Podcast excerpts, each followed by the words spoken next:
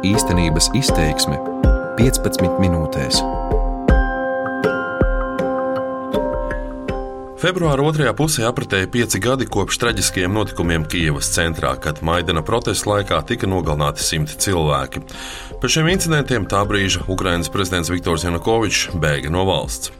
16. martā aprit arī pieci gadi kopš starptautiski neatzītā referenduma par Krimas pievienošanu Krievijai.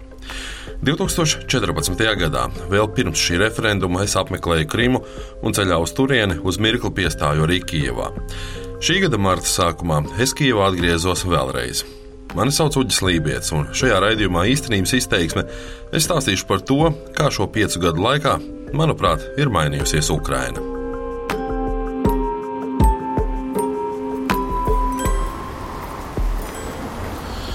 Pašlaik es atrodos Kijavas neatkarības laukumā, kur pēdējo reizi biju tieši pirms pieciem gadiem. Toreiz visapkārt bija barikādes, daudz ziedu, un visas ielas bija klātas ar sodrējiem, bet kaisā virmoja degušas smalkas smarža.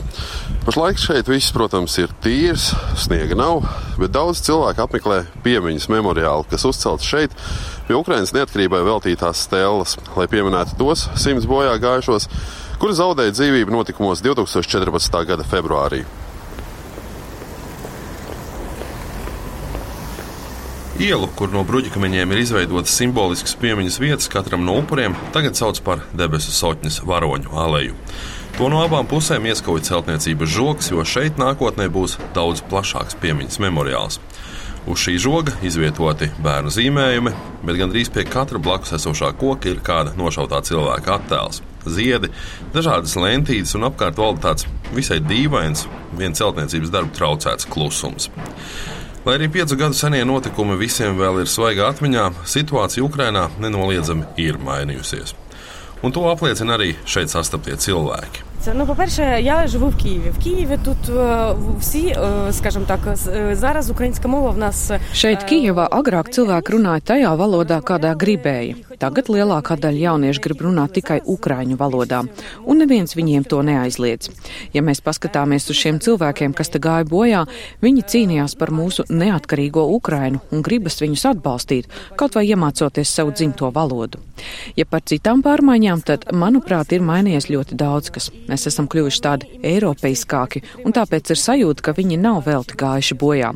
Protams, pieci gadi ir maz, lai pārmainītu to Ukrainu, kāda tā bija.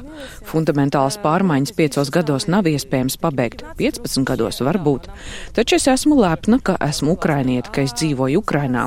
Es citu valsti negribu, uz citu valsti pārcelties arī negribu. Es gribu dzīvot savā dzimtajā zemē. Izžīt na svojai rītņa krīņa. Ну, звичайно, змінилося і дуже сильно. Все-таки вибрали vektor європейський. Ir mainījies ļoti daudz un ļoti pamatīgi. Galu galā mēs taču izvēlējāmies Eiropas virzienu. Protams, mums ir ļoti daudz, kam vēl jāiziet cauri, un droši vien arī jūs tam esat gājuši cauri. Taču pareizais virziens ir, un mēs tajā ejam. Ja runājam par cilvēkiem, arī tie ir mainījušies. Vairs nav tādu baiļu. Cilvēki ir sapratuši, ja kaut kas ir slikti vai nepareizi, ir jāiet un jāpieprasa labāki apstākļi. Tāpēc var teikt, ka kaut kāds lūzums cilvēku prātos ir noticis. Truška iespēja перелом у людських мозгах. Я більше до релігії. Я взагалі працюю в церкві. Я дуже люблю правду говорити. Es vairāk domāju par reliģiju, jo pati strādāju baznīcā, un man ļoti patīk teikt taisnību, un uz to mudināja arī mans mācītājs. Tā kā es mīlu patiesību, es teikšu tā: es gribu, lai atgriežas padomju laiks. Bet tas nekad nenotiks, saprotiet? Šī gados vecā kundze gan vēlāk paskaidroja, ka ar padomu laikiem domājot bezmaksas izglītību un bezmaksas medikamentus. Savulaik esot šādas prasības rakstījusi arī bijušajam prezidentam Janukovičam, bet par to esot pat uz kādu brīdi aizvest uz slimnīcu, lai iepūš trubiņā, pelpo skābekli un pārdomā savus vārdus. Starp citu, Pārmaiņas Ukraiņas pareizticīgajā baznīcā ir atstājušas pat ļoti lielu iespaidu uz visu Ukraiņu sabiedrību. Turpat neatkarības laukumā sastopas arī kādu vīru vārdā Jurijs, kurš pats ir no Doņetskas. Sākoties konfliktam Ukraiņas austrumos, arī savu uzskatu dēļ viņš ir zaudējis gan savu uzņēmumu, gan arī daudzus draugus. Pats tagad reiz pa reizei tomēr atgriežoties Doņetskā, kur joprojām mīt viņa māsa. Jurijs ir pārliecināts, ka karu Donbasā izdosies uzvarēt dažu gadu laikā. Ar Krimas atgūšanu gan būšot daudz sarežģītāk. Pēc Jurija vārdiem pārmaiņas sabiedrībā notiek ļoti lēni, kaut vai attieksmē pret korupciju. Tā joprojām ir dziļi iesakņojusies. А мы же стараемся все как в советские времена. Рука руку моет. Давай, ты мне, я тебе, все хорошо, договоримся. Mēs cenšamies kā padomju laikā. Roka roku mazgā, tu man, es tev. Kaut kā sarunāsim. Dzīvot vajag pēc noteikumiem un jāsāk ar sevi. Nevajag pārkāpt likumus. Protams, kaut kur naudu izspiež un korupcija ir. Tauta spriež, ka kaut kas mainīsies, ja būs jauns prezidents. Lūk, Jūlija Timošenko bļauj, ka viņa nāks un visu mainīs. Neko viņi neizmainīs. Viņi karu nevar apturēt. Ja viņi mēģinās kaut ko mainīt uz citu pusi, ziniet, cilvēki vairs pie vecās sistēmas neatgriezīsies. Vai tad šie visi visi upuri bija veltīgi, es tam neticu. Un tad atkal sāksies pilsoņu karš. Pareizāk sakot, nevis atkal, bet sāksies. Jo tas, kas notiek tagad, nav pilsoņu karš.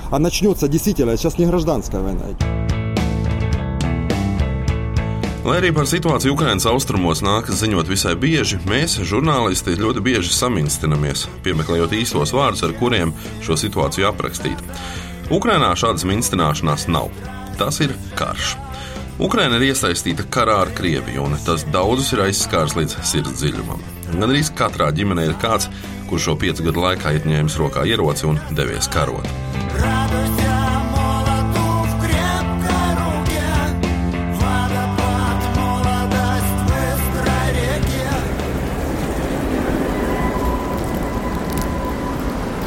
Vienā no vakariem dodos uz Kijavas neatkarības laukumam tuvumā esošo pizzeriju Veterāno Pizza.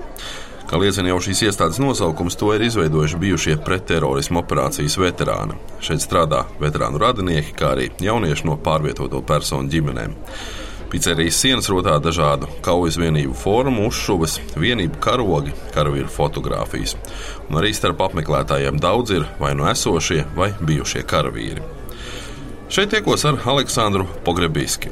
Viņš 25 gadu vecumā, neilgi pēc Maidana notikumiem, kļuva par brīvprātīgo, nogādājot kardarbības zonā tur nepieciešamo palīdzību.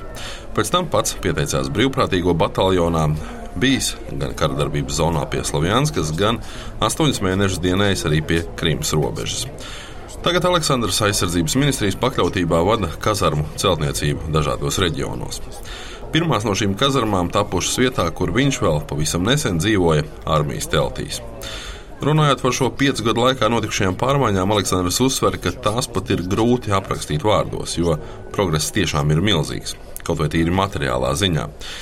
Par izmaiņām iedzīvotāju domāšanā jau ir nedaudz cits stāsts. Вот наша как раз таки задача нашего поколения сохранить Украину а, вообще как страну и в ментальном плане. Ее Mūsu paaudzes galvenais uzdevums ir saglabāt Ukrainu kā valsti, tās garīgās vērtības un brīvības. Jo mums, Ukrāņiem, pats galvenais ir brīvība. Mūsu uzdevums ir arī darīt visu iespējamo, lai pārveidotu valsti un padarītu to labāku. Taču šeit gan es gribētu mūsu sabiedrību sadalīt vairākās daļās. Joprojām ir daudz tādu, kuriem Maidans bija ienaidnieks. Tā ir nozīmīga sabiedrības daļa, kura nekur nepazudīs. Tad ir tādi cilvēki, kuriem šī bija iespēja mainīties pašiem un mainīt valsti. Tā bija robežšķirtne, kuru tu pārkāpi, Atpakaļceļa vairs nav un jāvirzās tikai uz priekšu. Vēl kādiem tas ir dzīvesveids. Tas tāds bija arī iepriekš, taču tagad ir radies vairāk iespēju mainīt valsti uz labo pusi, iet prom no Padomju Savienības, propagandas, totalitārisma un visa tā, ko mēs pašlaik redzam Krievijā. Propaganda, totalitarisma un visu to, ko mēs redzam šodien.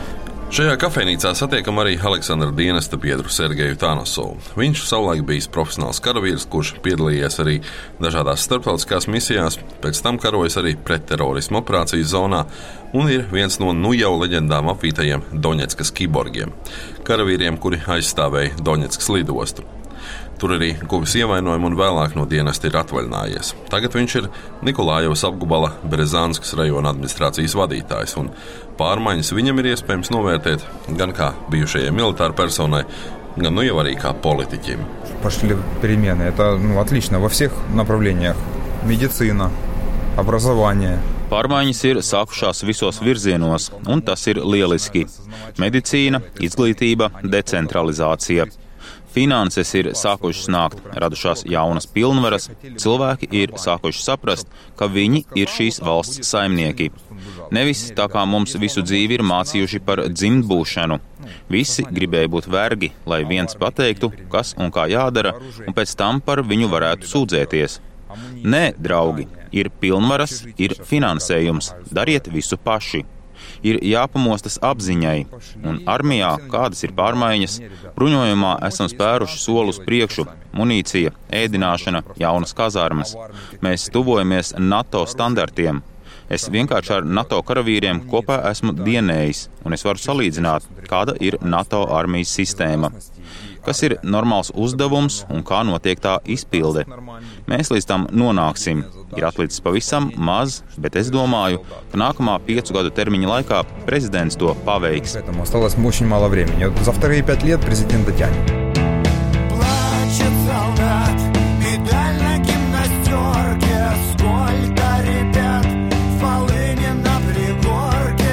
Pēc šīs sarunas Aleksandrs un Sergejs satiek vēl dažus dienesta biedrus, ar kuriem nav tikušies pat trīs gadus. Taču mani piesaista vēl kāda nianse. Gan runājot ar žurnālistiem, kas pazīstami ar militārām tēmām, gan klausoties bijušo militāru personu sarunās, dzirdu, ka dažāda militārā terminoloģija, saīsinājumi, kaujas vienību numuri un bāzēšanās vietas ir kļuvušas par ikdienas sarunu neatņemamu sastāvdaļu. Un tas valstī, kurā joprojām risinās karš, ir tikai pašsaprotami. Tāpat kā visu manu sarunu biedru pārliecība. Agri vai vēlu, bet mēs uzvarēsim! Boy,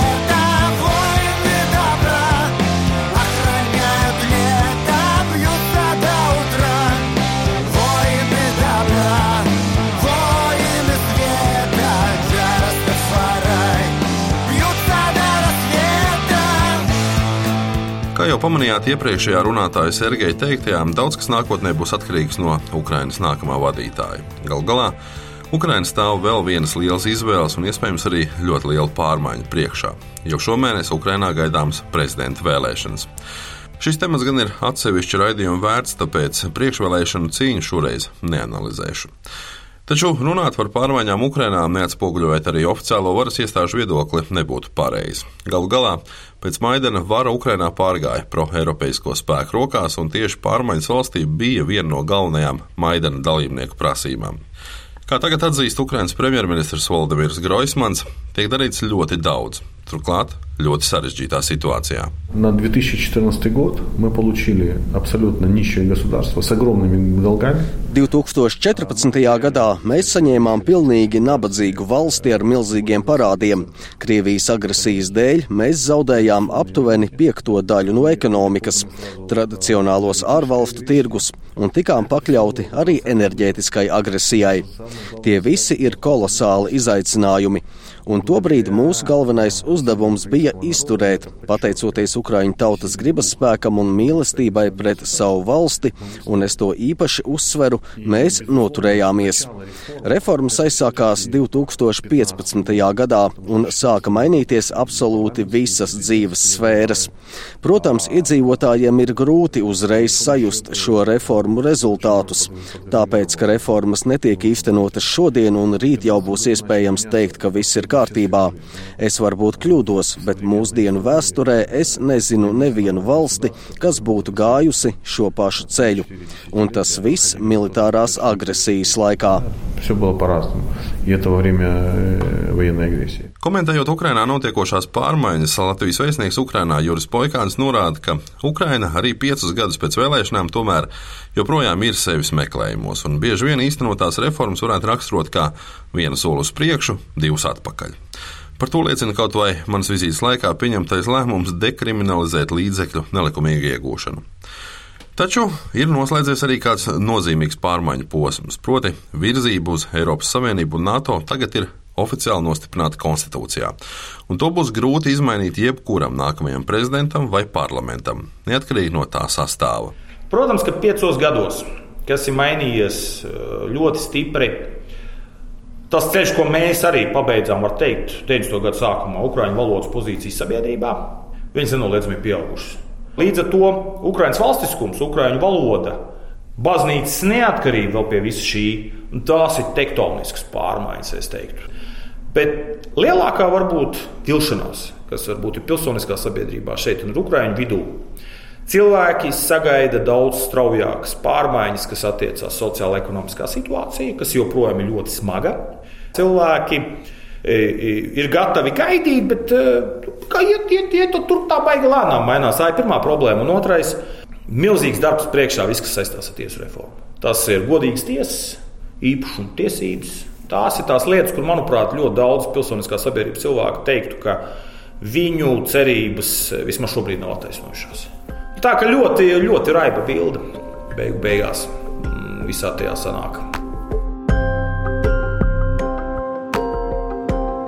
Es ilgi domāju, kā noslēgt šo raidījumu. Nenoliedzami gribētos pastāstīt arī par Krimu, kā klājas tur piecus gadus pēc. Taču, diemžēl, iespēja tur nokļūt pašlaik faktiski nav. Tāpēc noslēgšu ar stāstu par, par kaķiem. Ir tradīcija jaunā mājvietā pirmo ielaist iekšā kaķi, un tieši par vienu šādu notikumu pagājušajā nedēļā ziņoja arī Ukrāņu mēdīji. Šis kaķis, klātesot pašam Ukraiņas prezidentam Petro Porošenko, tika ielaists jaunajās karavīru kazarmās Žitomirā. Tajās pašās kazarmās, kuru celtniecību vadīja šajā raidījumā pieminētais Aleksandrs un par viņu darbu no prezidenta rokām tajā pašā dienā viņš saņēma trešās pakāpes ordeni par nopelniem valsts labā. Pats Aleksandrs par šo apbalvojumu vismaz sociālajos tīklos neko neminēja, tāpēc prasīja viņam, kāpēc tā. Viņš atbildēja, tāpēc, ka es esmu pieticīgs. Un jau pēc dažām dienām rakstīja, mums tuvākajā laikā jāielaiž vēl vairāki kaķi. Ar to arī skan šīs dienas raidījums īstenības izteiksme, ko sagatavoja Uģis Lībijams un skaņoperators Renārs Steimanis. Īstenības izteiksme 15 minūtēs.